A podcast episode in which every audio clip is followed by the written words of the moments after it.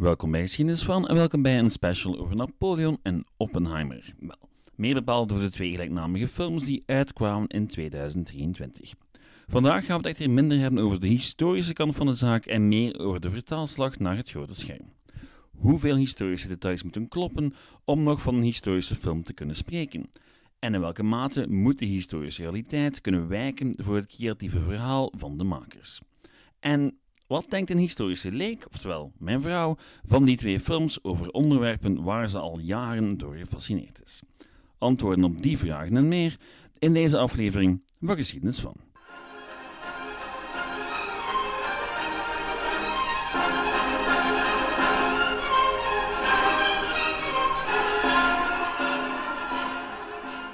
Ik weet het, ik weet het, ik ben er nogal laat bij met mijn kijk op dit hele debat. Nu heeft dat ook wel zijn voordeel. Het hele debat rond beide films is ondertussen wat uitgeraasd en ik heb toegang tot de mening van zowat iedere historicus en filmkenner in het gekende universum. De ene film zal naar alle waarschijnlijkheid een heleboel Oscars opstrijken en de andere is universeel ingemaakt door historici. De meningen waren dus verdeeld en dat mag eigenlijk niet verbazen, want het maken van goede historische films is een uitdaging. De historische realiteit proberen vatten op scherm is een schier onmogelijke opdracht en foutjes zullen er altijd wel zijn, net als overijverige historici die niet liever doen dan iedereen daarop te wijzen. Nu zijn er wel degelijk films die slagen in een opzet. Films die een goed coherent verhaal vertellen zonder de historische werkelijkheid geweld aan te doen. En dan heb je films die zo groot zijn opgezet dat ze niet anders kunnen dan zichzelf in de voeten schieten. Oppenheimer valt in de eerste categorie, Napoleon in de tweede. Wel, wat mij betreft. Versta me niet verkeerd, in beide zitten wel degelijk historische foutjes. In beide worden beslissingen genomen door de makers om het geheel overzichtelijk en boeiend te houden. In beide is het ondanks soms moeilijk bij te houden waar in de tijd we ons ergens bevinden en wat er nu precies aan het gebeuren is. En toch doet de ene het, naar mijn mening, veel beter dan de andere. In theorie worstelen ze echter met dezelfde probleem. Het zijn namelijk zogenaamde biopics en die zijn altijd iets wat verraderlijk. Het zijn films gebaseerd op het leven van één persoon en het is nu eenmaal makkelijker om te focussen op een specifieke gebeurtenis dan een heel leven te proberen neerleggen op film. Zeker levens die plaatsvonden in een heel specifieke context, die de kijker eigenlijk moet begrijpen om het personage te kunnen doorgronden. Laat ons beginnen met Oppenheimer. Dat was het wetenschappelijke mastermind achter het Amerikaanse atoombomproject. De film volgt hem van zijn universiteitsdagen in Oxford tot in de jaren 60, zij het binnen de raamvertelling van twee commissiezittingen. Klinkt vreselijk saai, is het niet. Elk aspect van Oppenheimers nogal chaotische privéleven komt aan bod, net als zijn schuldgevoelens over Hiroshima en Nagasaki en zijn linkse sympathieën die hem in de problemen zullen brengen. Het is een overzicht in vogelvlucht van iemands leven, maar evengoed van een heleboel hekele kwesties in de Amerikaanse en wereldgeschiedenis. En ik voelde me als kijker helemaal betrokken. Toegegeven, hier en daar snijdt de film een bocht af, zijn er scènes die nooit echt hebben plaatsgevonden, maar zijn toegevoegd omdat ze de kijker een blik gunnen in wat er echt aan de gang was. Het beste voorbeeld daarvan is het gesprek tussen Oppenheimer en Einstein, dat waarschijnlijk nooit echt heeft plaatsgevonden, maar wel reflecteert hoe beide heerschap met elkaar omgingen en hoe ze keken naar het gevolg van al hun gemeenschappelijk werk, namelijk de atoombom. De fictieve scène vertelt de kijker een heleboel over de historische werkelijkheid, ook al heeft ze nooit echt plaatsgevonden. Nolan, de regisseur van Oppenheimer, wilde een bepaald verhaal vertellen, maar dat verhaal staat niet los van de historische realiteit. Integendeel, ze maakt die wat mij betreft begrijpelijker voor een breed publiek. En dan heb je Napoleon. Ja, de film zit vol historische foutjes. Een pak meer dan bij Oppenheimer trouwens. Napoleon was niet aanwezig bij de executie van Marie-Antoinette. De piramides in Egypte werden niet beschoten door Napoleons artillerie. Hij ontvluchtte Egypte niet omdat zijn vrouw hem had bedrogen, maar omdat hij militair in een verliezende positie was gedreven. Hij had zichzelf tot keizer gekroond, maar dat wist de paus al lang en greep niet eventjes de kroon uit de handen van de paus, enzovoort enzovoort. Nu, met al die keuzes, want dat zijn ze, heb ik aan zich geen groot probleem. Wat mij betreft is het oké als het grote plaatje maar klopt. En dat, wel, daar kan je veel over discussiëren. Wat je te zien krijgt in de film van Ridley Scott is een wel heel specifieke interpretatie van Napoleon. Eentje waarbij het personage amper aan bod komt en vooral reageert op de daden en woorden van anderen. Hij zegt zelf amper iets. Nu mag het duidelijk zijn dat ik verre van een aanhanger ben van Napoleon Bonaparte, maar zo neurotisch en zelfzuchtig had ik hem me nu ook weer niet voorgesteld. En dan zijn er nog de vele, vele dingen die niet getoond worden. Zijn jeugd, een heleboel militaire campagnes, maar vooral het politieke spel en zijn motivaties. Hij was niet alleen uit op alleen heerschappij, zoals zoveel dictators, was hij ervan overtuigd dat hij het beste deed voor zijn volk. En had hij ook echt wel een politiek idee. Maar de film legt je nooit uit wat dat was en hoe hij dat precies probeerde te realiseren. En laat dat nu net het grootste probleem zijn met Napoleon. Het is een historische film die veel te veel geschiedenis in een verhaal probeert te krijgen zonder de kijker daarbij een handje te helpen. Toegegeven, het moderne publiek is tot redelijk wat in staat, maar enkel een plaatsnaam en een jaartal, dat volstaat eigenlijk niet. Napoleon wordt bij momenten een tijdreisfilm, waar je van de ene gebeurtenis naar de andere geflitst wordt, zonder te weten wat er nu eigenlijk aan de hand is. En dat geflitst zorgt ervoor dat je als kijker je met geen enkel ander personage binden kan, behalve Josephine en Napoleon. Niet omdat er niet genoeg boeiende personages rondlopen op de achtergrond hoor. Ze zijn er wel degelijk, maar ze komen gewoon niet aan bod. De meeste worden gewoon zelfs niet genoemd bij naam. Dat in tegenstelling tot Oppenheimer, waar je kennis maakt met een heleboel fascinerende historische figuren die allemaal een bijdrage leveren tot het verhaal. Talleyrand bijvoorbeeld zit in deze film. En dat is een van de meest fascinerende figuren in de wereldgeschiedenis. Alsjeblieft, zoek de man op op Wikipedia. Het is een topverhaal. Hij heeft drie scènes in de hele film, denk ik. En als je hem niet kent, lijkt hij niet meer dan een nogal serieuze minister. In werkelijkheid was hij een bisschop die van de vrouwtjes hield, zijn mijtig wegwierp tijdens de Franse Revolutie en vervolgens decennia lang woog op de Europese politiek, telkens van kamp veranderend als hij voelde dat de politieke winden veranderden. En hij lijkt redelijk grijs in de film. Nu, er zitten wel degelijk fantastische scènes in Napoleon. Scott is en blijft een zeer goede regisseur, maar narratief hangt de film met haken en ogen aan elkaar. Waar je na het bekijken van Oppenheimer achterblijft met een beter begrip van de historische figuur en zijn context, is dat helemaal niet het geval bij Napoleon. Die film kan je alleen maar begrijpen als je de hele periode al bestudeerd had. Op het einde van de rit was Napoleon gewoon een veel te ambitieuze film. Er zaten hints in van fantastische verhalen die allemaal veel beter tot hun recht waren gekomen in aparte films of tv-series. Natuurlijk verdient Josephine een eigen film, maar hetzelfde geldt voor de campagne in Egypte, de coup die Napoleon aan de macht bracht, de Ruslandcampagne, Waterloo en Sint Helena. Dat allemaal in één film proberen wurmen, zonder context, was op narratief vlak zelfmoord. Of waarom je van de film Napoleon niet al te veel leren kan. Dat dan weer in tegenstelling tot Oppenheimer. En nu is het tijd voor de mening van iemand die geen historicus is, maar wel gefascineerd door zowel Napoleon als Oppenheimer en beide films met mij bekeken heeft. Namelijk mijn vrouw. Hallo. Hallo. Uh, dus dit is mijn vrouw. Uh, Hallo. zij heeft net Napoleon uitgekeken. Ja. Oppenheimer hebben we al een tijdje geleden samen uitgekeken. Ja. Um, en ik wil eigenlijk eens vragen naar jou, want je hebt de fascinatie met Napoleon sinds kindertijd. Ja. En de atoombom is ook een zeer grote fascinatie de laatste paar jaar. Dat is. Ik vroeg me eigenlijk af hoe die twee films, twee historische films met heel veel budget, met topregisseurs, topacteurs, dat je uiteindelijk naar die twee films kijkt en of die je iets hebben bijgeleerd over de historische werkelijkheid. Ik heb voor beide films zeer lang gewacht om er naar te kijken, omdat ik eigenlijk zeer bang was dat ik teleurgesteld ging zijn. Mm ook met Oppenheimer, omdat dat zeer hard op de persoon focuste. En Oppenheimer is zeker een boeiende figuur, maar ik vond persoonlijk het hele. er zijn zoveel wetenschappelijke belangrijke figuren die, die meespelen aan heel het gebeuren van de atoombom, dat ik bang was dat dat ja, dat er gewoon veel minder aan bod ging komen en veel minder interessant zou zijn. Wat uiteindelijk zeer goed meeviel. Ehm, niet dat er alle, allee, alle wetenschappers even hard in aan bod kwamen en zo. Maar ze hebben ook wel gewoon um, besloten op, op, om op één verhaallijn, hun, de verhaallijn van Oppenheimer te focussen. Mhm. Dus ja, dan vond ik uiteindelijk. Heb mij er ook bij over kunnen zetten van dit gaat niet over de atoombom, dit gaat echt gewoon over Oppenheimer. En vanaf dat je daarvan, allee, vanuit dat perspectief gaat kijken, dan, dat, dan vind ik dat oké.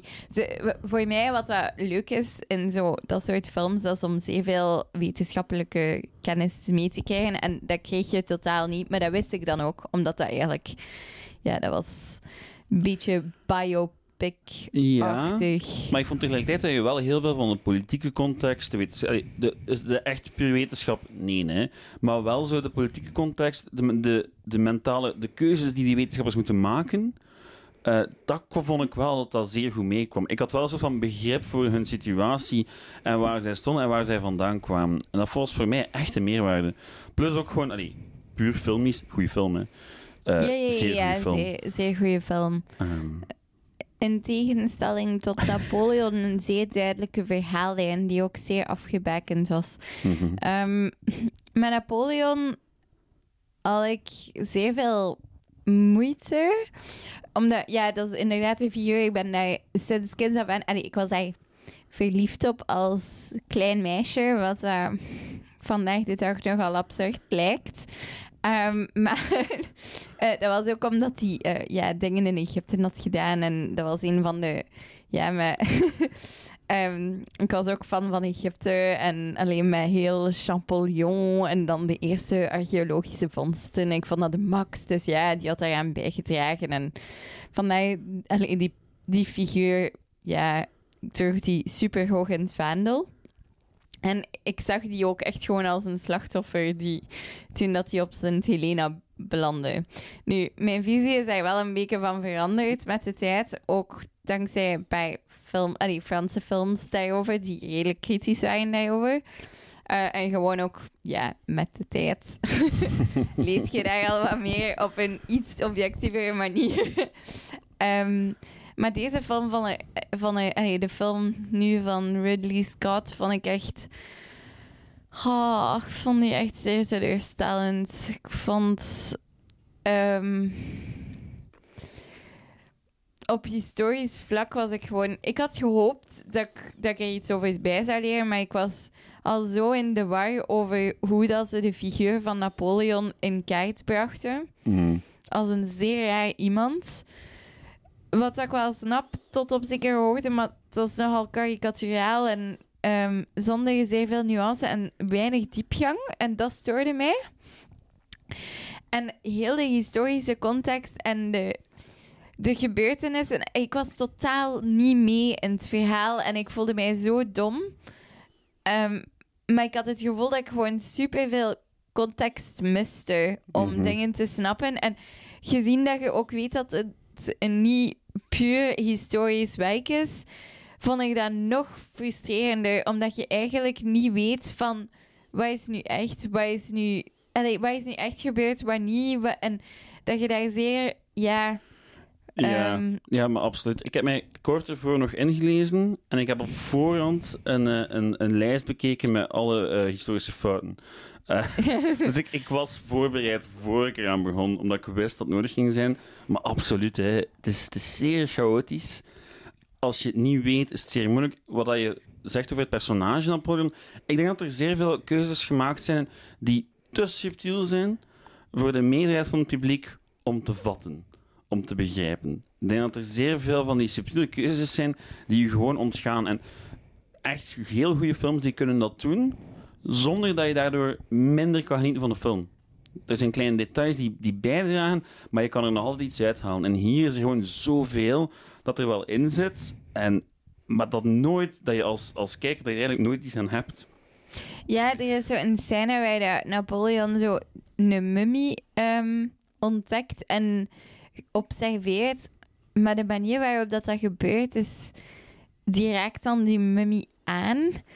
En die... Allee, Die, vergankelijkheid van de macht, van het leven. Waarschijnlijk is dat de bedoeling. ja, maar, Maar er wordt zo weinig uitgelegd. of- exact. Het is zo'n fragment dat plots ertussen komt en er wordt niets mee gedaan daarna. Mhm.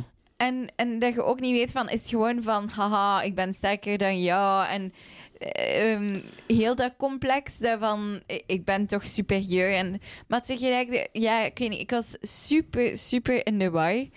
Ehm, ook het feit dat Napoleon zo oud ehm, vertolkt wordt, Mhm. daar heb ik echt wel een, ja, zeer veel moeite mee. Omdat allee, ik vond, als je de schilderijen bekijkt, dan was dat wel een redelijk knappe man. En allee, redelijk jong ook. Allee, niet... Ja. Ehm, en...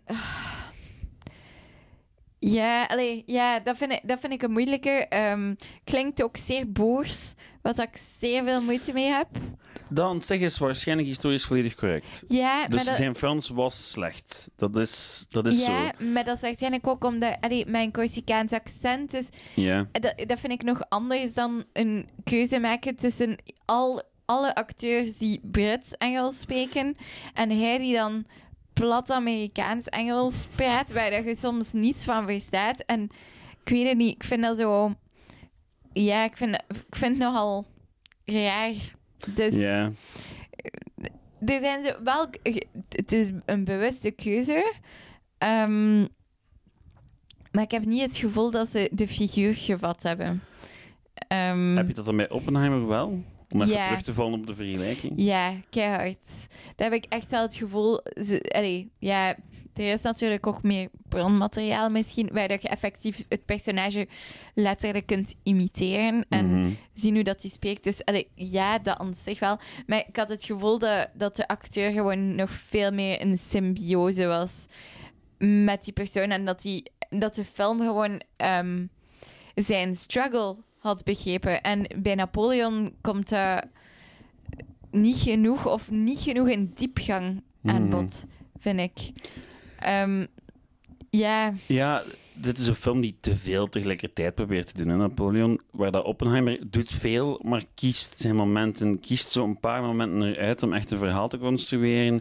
En ook cinematografisch is het gewoon zeer goed. Waar dat, er zijn veel, heel wat scènes in de film van Ridley Scott die ik zeer goed vind.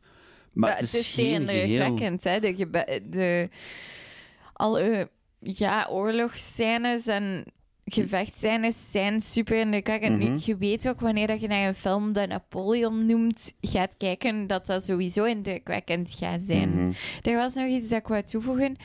Ehm, ik vind zo raar dat we totaal geen context hebben van, van waar dat die komt. Ja, Die, dat, dat, dat verhaal begint zo plots en ik snap niet echt waarom dat ze dat moment exact ko- kiezen.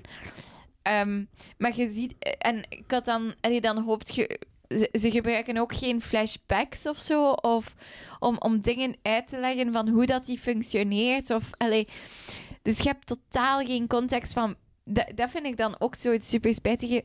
Opnieuw, je hebt geen idee waar dat hij van komt mhm. wat dat zijn context was, waarom dat hij reageert op dingen zoals dat hij reageert, waarom dat hij handelt, waarom dat dat zo een, een strategische held is, waarom dat hij... allee, al die dingen, je mist daar gewoon volle context. En dat is ook gewoon historische context. En ik vind dat super spijtig. Ik had dat eigenlijk al een beetje gehoopt met die film. Ja, en het rare is, dat zijn dingen die we grotendeels weten. Dat Ja. zijn niet echt geheimen.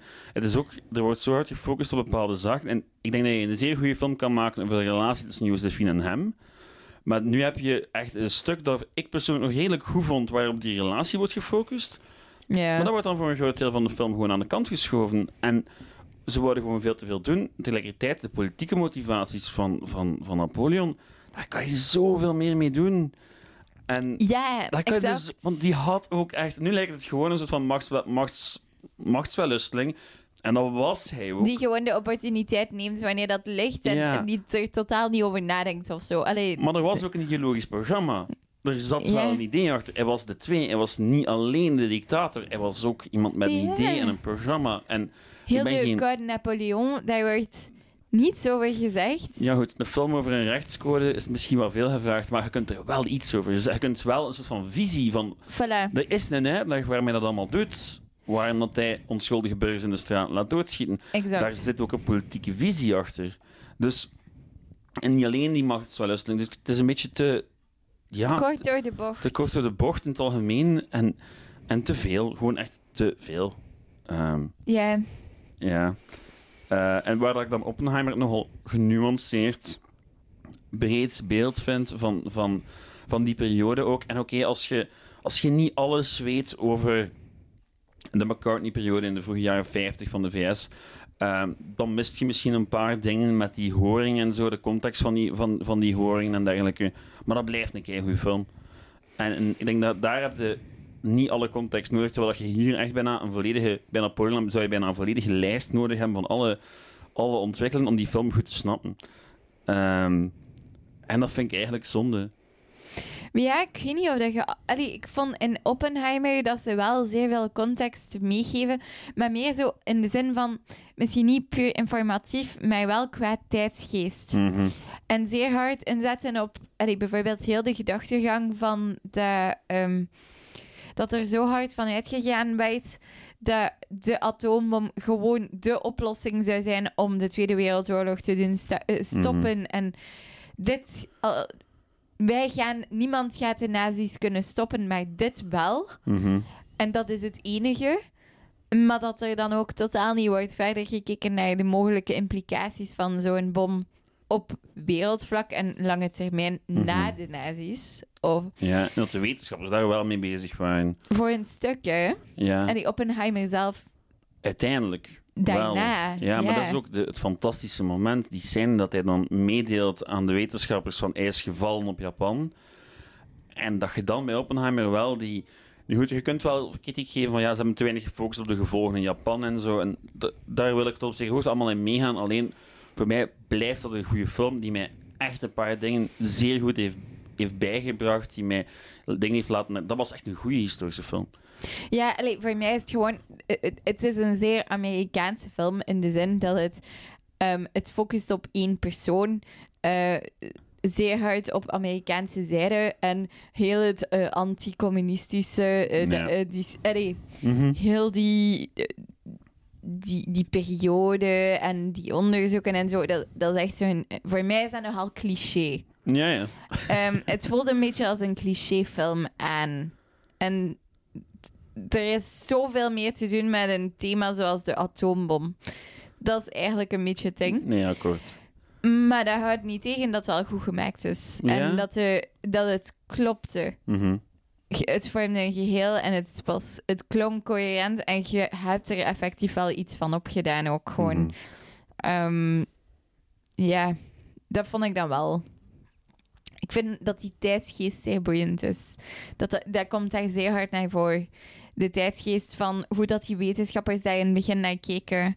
En inderdaad, je ziet die hele evolutie in Mhm. denkwijze. Je hebt er wel een paar, maar de manier waarop dat die dan worden behandeld, ook binnen de wetenschapswereld. En, het is echt zeer, zeer boeiend. De Ehm, motivaties komen veel meer aan bod. Ik denk dat dat een van de belangrijkste verschillen is. Dat je zeer goed begrijpt waarom mensen dingen doen in Oppenheimer. En dat je Napoleon zo wat... Huh? Nee, ik geloof ook wel dat dat niet zo gemakkelijk is om dat in Napoleon te doen ook, omdat het gewoon al een stuk langer geleden is. Maar ehm, Ja, dan nee. vind ik wel... Er is al superveel documentatie over Napoleon en ik vind dat is eigenlijk wel een beetje je taak als ja, filmdirecteur, dat, is dat je daar wel voor gaat. Zeker met zo'n omstreden figuur. Ja, in Frankrijk is men, is men woest natuurlijk. Ja, men, is, begrijpelijk. men is wel vaker woest in Frankrijk voor dit soort dingen, maar ik ben het wel min of meer eens met hen dat het nogal... Ja, het is een rare, een rare film. Ehm, maar we gaan, we gaan het hierbij moeten laten, spijtig genoeg. Voilà. Eh, maar heel erg bedankt, Charlotte, om er even bij te komen. Graag En gedaan. om, eh, en om jezelf door Napoleon heen te worstelen. Want het was, Ja, het was, was een echt opgave. Hè? lastig. Zelfs die passages met Jo- Josephine, ik vond die echt... pff, ik had er echt niets aan. Tot, eh, Ja, ja, het is... ja. Het, het, het, het goed... Ergens, het, ontma het ontmaskert de mythe, wat ik op zich niet negatief vind. Het ontmaskert de mythe en de romantiek rond de figuur. Maar het geeft je ook wel niks in de plaats. En, en dat maakt het soms moeilijk Maar om ik naar te weet ook kijken. niet hoe rationeel dat die ontmanteling is. En op wat dat die precies... Ik heb het gevoel dat je gewoon een karikatuur in de plaats krijgt van een even gek... Allee, ik Mhm. weet het niet. Ja. Ik vind het niet per se beter of zo. Nee, het is, het is inderdaad... Het is een, eh, een... Nu, er komt nog een, eh, een extended version van vier uur waarschijnlijk, die nog zal uitgebracht worden. Oh nee. En daar gaan ze waarschijnlijk veel meer de gaatjes hebben opgevuld. Ehm, ik ga daar waarschijnlijk nog naar proberen kijken. Ik denk dat jij dat... Succes. Dank wel. Eh, maar die zou nog uitkomen binnenkort. Al denk ik persoonlijk wel, het doel moet zijn om het onder de drie uur te kunnen doen. Hè. Dat kan, hè. een goede historische film onder de drie uur. Ik weet niet of dat je dat voor Napoleon kunt doen.